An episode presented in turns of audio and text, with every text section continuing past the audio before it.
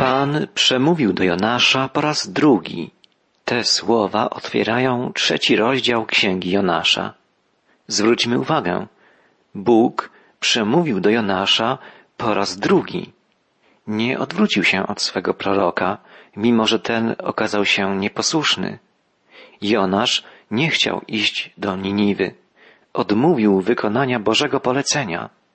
Ale po Bożej interwencji, po dramatycznych wydarzeniach pośród burzy, znalazłszy się we wnętrzu wielkiej ryby, Jonasz wołał do Pana, prosił o przebaczenie i Bóg nie tylko ocalił nieposłusznego proroka, ale po raz drugi powierzył mu ważne zadanie zwiastowania konieczności upamiętania się mieszkańcom wielkiego miasta, Niniwy. Pan przemówił do Jonasza po raz drugi tymi słowami. Wstań, idź do Niniwy, wielkiego miasta i głoś jej upomnienie, które ja ci zlecam. Jonasz zostaje powołany po raz drugi. Bóg jest Bogiem drugiej szansy. Wyobraźmy sobie, że pracownik Wielkiego Banku Narodowego defrauduje pieniądze i ucieka w głąb kraju. Zostaje zatrzymany, wyraża skruchę, oddaje całą kwotę i prosi o ponowne przyjęcie go do pracy. Czy dyrektor banku po raz drugi mu zaufa? Raczej nie. Takie przypadki się nie zdarzają. A jeśli tak, to bardzo rzadko. Natomiast w sferze Bożych zadań bardzo często człowiek raz powołany, gdy zawodzi, otrzymuje kolejną szansę. Przypadek Jonasza nie jest odosobniony, nie jest czymś wyjątkowym. Karty Biblii pełne są postaci ludzi, którzy zawodzili, ale nie zostali przez Boga spisani na straty. Piotr zaparł się Jezusa, ale Jezus po swym zmartwychwstaniu powołał go ponownie na swego apostoła. Jan Marek, autor drugiej Ewangelii, wyruszył w pierwszą podróż misyjną wraz z apostołem Pawłem. Zniechęcony trudami, przeciwnościami, opuścił apostoła. Paweł nie zabrał potem Marka w drugą podróż misyjną. A jednak pod koniec życia apostoła narodów, największego misjonarza ery nowożytnej, Pawła, Jan Marek znów z nim współpracował. Był nieocenionym pomocnikiem Pawła. Wiemy o tym z lektury apostolskich listów więziennych. Nie tylko w dobie chrześcijańskiej, ale o wiele wcześniej, w czasach Starego Przymierza, Bóg nie rezygnował z nikogo, nie dając mu drugiej szansy. Przypomnijmy sobie choćby postać jednego z patriarchów, Jakuba.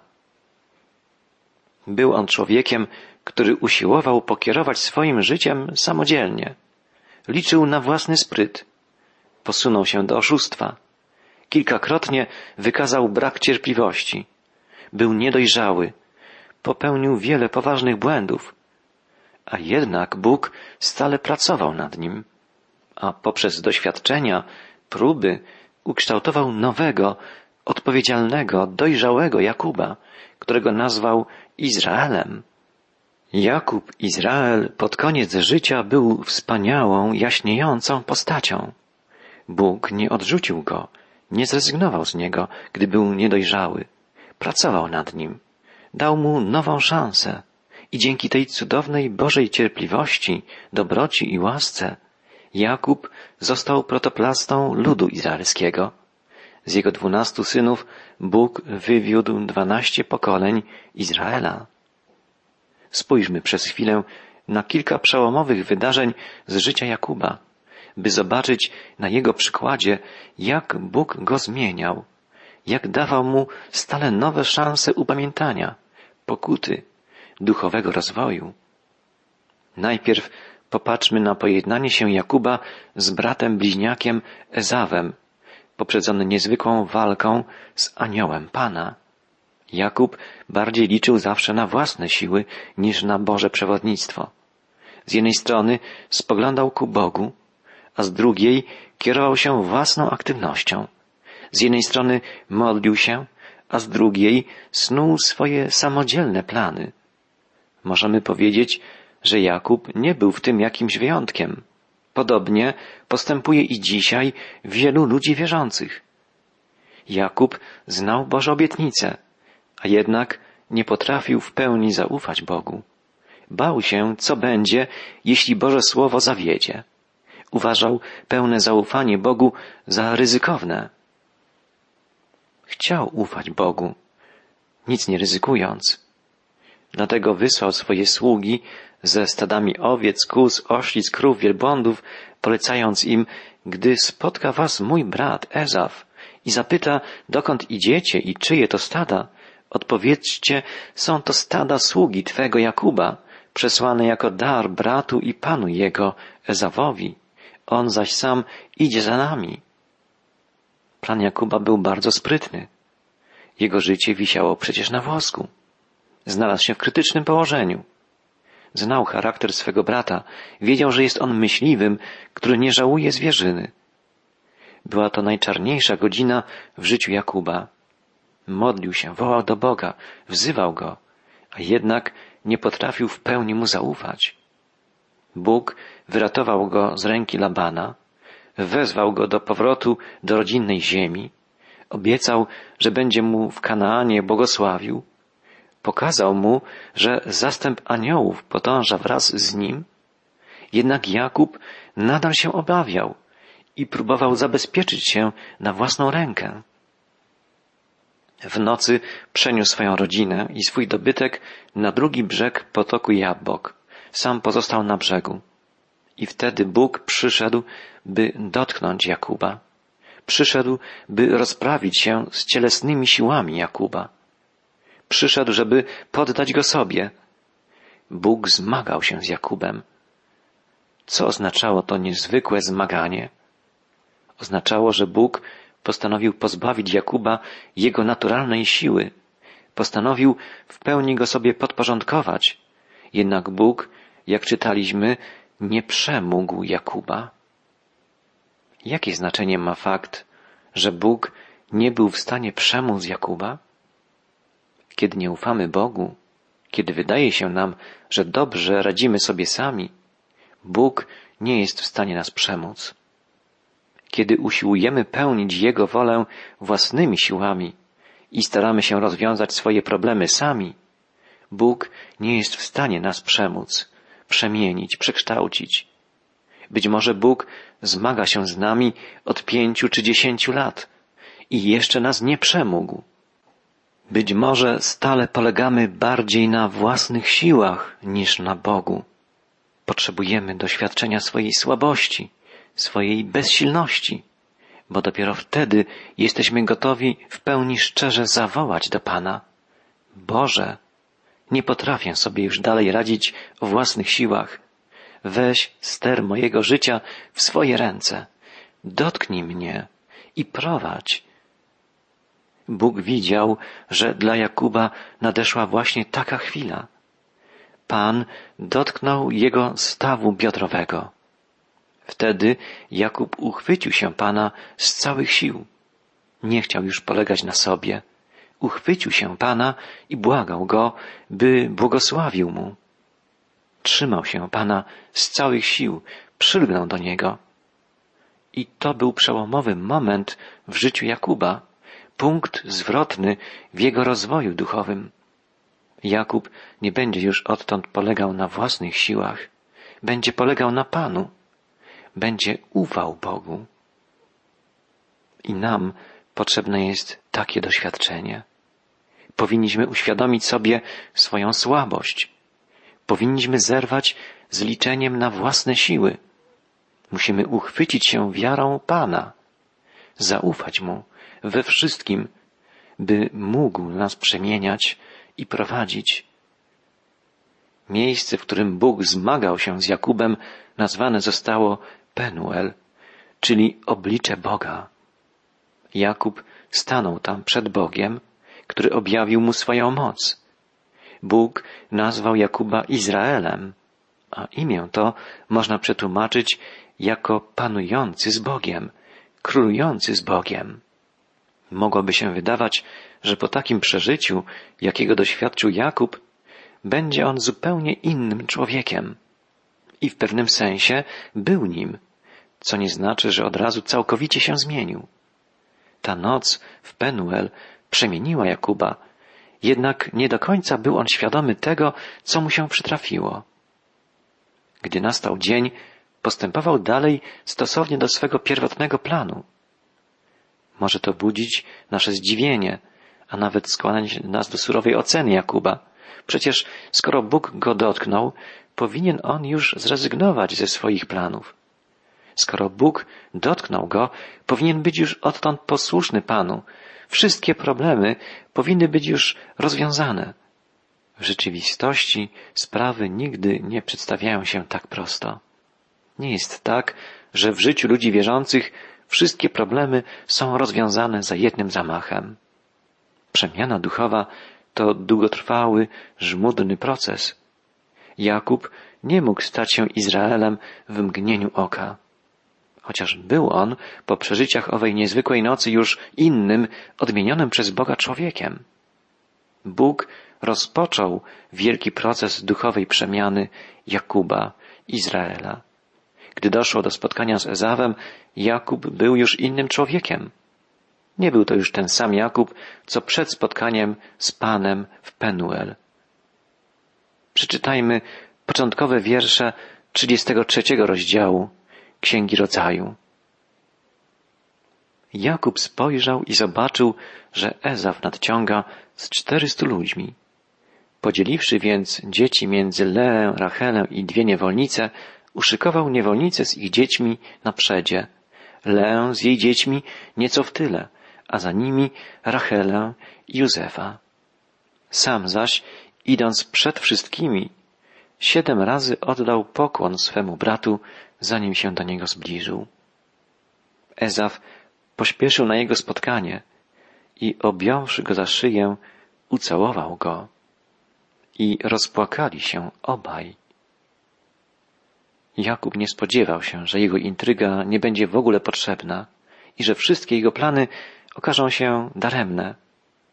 Boża ochrona to coś rzeczywistego. Gdyby Jakub zaufał Bogu od początku, uniknąłby wielkiego strapienia i strachu. Ezaf nie próbował wcale go zabić. Przeciwnie, wyszedł mu na powitanie, objął Jakuba i pocałował go. Cały spryt Jakuba Wszystkie jego zabiegi okazały się niepotrzebne. Jakub, podobnie jak jego brat, rozpłakał się ze wzruszenia. Wszystko zmieniło się diametralnie. Przypomnijmy sobie historię Zacheusza. On także zmienił się całkowicie, gdy odnalazł go Pan, gdy powiedział mu, zejdź śpiesznie z drzewa, bo dzisiaj chcę być gościem w Twoim domu. Po spotkaniu z Jezusem Zacheusz nie był już tym samym człowiekiem, co przedtem. Nie był już oszukującym wszystkich, chciwym, bezwzględnym celnikiem. Przeciwnie, pragnął wynagrodzić wszystkim krzywdy, które im wyrządził i zwrócił to, co zagarnął, wynagradzając im straty w czwórnasób.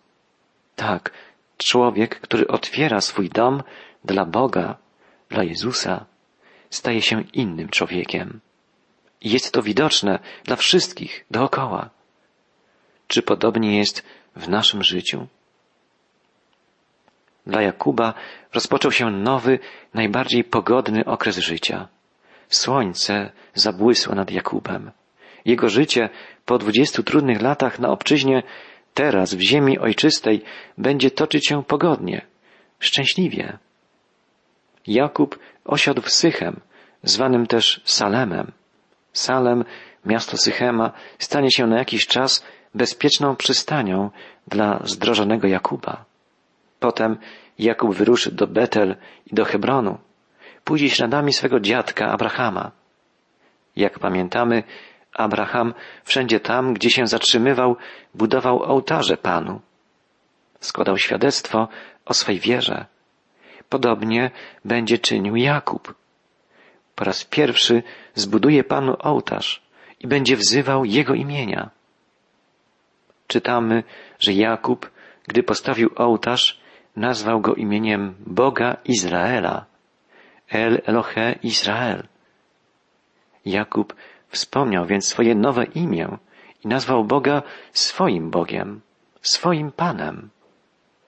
Bóg będzie zwany Bogiem Abrahama, Izaaka i Jakuba, ale będzie też zwany Bogiem Izraela. Popatrzmy na jeszcze jedno wydarzenie z życia patriarchy Jakuba. Pod koniec swego życia Jakub znalazł się w Egipcie i tam, w obecności Józefa, błogosławił faraona. Według ludzkich miar Jakub był kimś mniejszym niż faraon. Był uchodźcą, uciekał przed głodem. Przybył do kraju faraona, licząc na to, że otrzyma tu żywność i mieszkanie. Gdy więc stanął przed faraonem, czy nie powinien się ukorzyć przed nim, władcą Egiptu? Postąpił zupełnie inaczej. Błogosławił faraona. W liście do Hebrajczyków czytamy, nie ma zaś żadnej wątpliwości, że mniejszy otrzymuje błogosławieństwo od większego. Mimo iż Egipt był wówczas najsilniejszym państwem, a faraon władcą tego wielkiego państwa, Jakub nie stracił w obecności faraona poczucia swej właściwej pozycji. Jakub jest sługą Boga. Stoi za nim autorytet męża Bożego. Dlatego błogosławi faraona, będąc w sensie duchowym kimś wyższym od faraona. Jakub, Izrael, składa w ten sposób świadectwo o jedynym, żywym, prawdziwym Bogu. Czytamy. Rzekł faraon do Jakuba, ile jest lat życia Twego? Jakub powiedział faraonowi, czas mojego pielgrzymowania wynosi sto trzydzieści lat. Krótki i zły był czas życia mojego i nie dosięgnął lat życia ojców moich w czasie ich pielgrzymowania. Potem pobłogosławił Jakub faraona i wyszedł. Wyczuwamy w słowach Jakuba i w całym jego zachowaniu skromność i łagodność. Jakub mógłby wykorzystać zainteresowanie faraona i opowiadać długo o swoich stu trzydziestu latach życia. Mógłby opowiadać o wszystkim, co osiągnął, o swej zamożności, o swoim autorytecie w Kanaanie, o tym, że przemawiał do niego żywy Bóg. Być może kiedyś Jakub zachowałby się właśnie tak. Z natury był człowiekiem ambitnym, samolubnym, przebiegłym. Gdyby nie to, że Bóg go przemienił, Jakub mógłby ulec pokusie, by wykorzystać dogodną sytuację jako ojciec zarządcy Egiptu Józefa i gość honorowy wyraźnie podziwiającego go faraona. Ale Jakub nie myśli o sławie, o przyjmowaniu wyrazów podziwu, czy o jakichkolwiek przywilejach, zaszczytach, czy korzyściach. Jakub stwierdza, że 130 lat, które przeżył, to żaden powód do dumy czy chwały. Mówi, że były to trudne lata, lata doświadczeń, poprzez które musiał być kształtowany, ociosywany przez Boga. Jakub stwierdza, lata mojego życia nie są tak długie, jak lata pielgrzymowania moich przodków.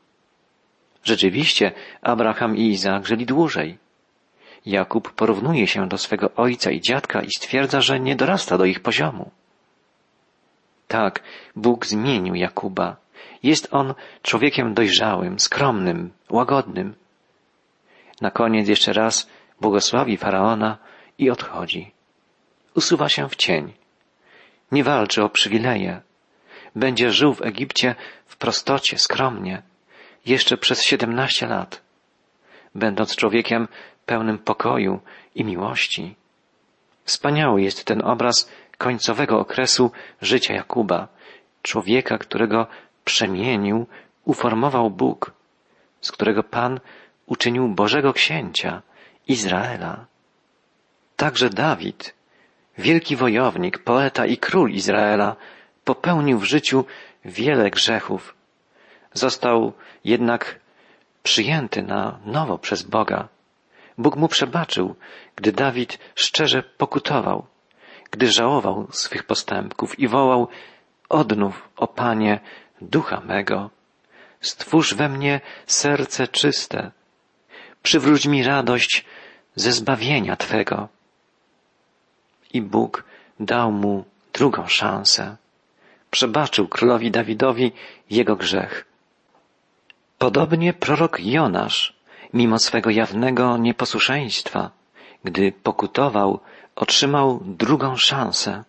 Bóg ponownie przemówił do niego i posłał go jako swego sługę, by głosił potrzebę upamiętania innym. Jonasz wołał do Pana, prosił o przebaczenie i Bóg nie tylko ocalił nieposłusznego proroka w czasie burzy, nie tylko posłał wielką rybę, by Jonasz mógł przeżyć, ale potem po raz drugi powierzył Jonaszowi ważne zadanie głoszenia Jego słowa mieszkańcom Niniwy. Drogi przyjacielu, jeśli oddaliłeś się od Boga, wiedz, że Bóg z Ciebie nie rezygnuje. Pan pragnie, byś do Niego powrócił. Tak, Bóg pragnie kierować także nami dzisiaj. Jesteśmy grzesznikami, popełniamy błędy, ale jeśli szczerze pokutujemy, gdy z prawdziwą skruchą wyznajemy swoją winę, Bóg przyjmuje nas, jak ojciec marnotrawnego syna, z otwartymi ramionami i raduje się z naszego powrotu.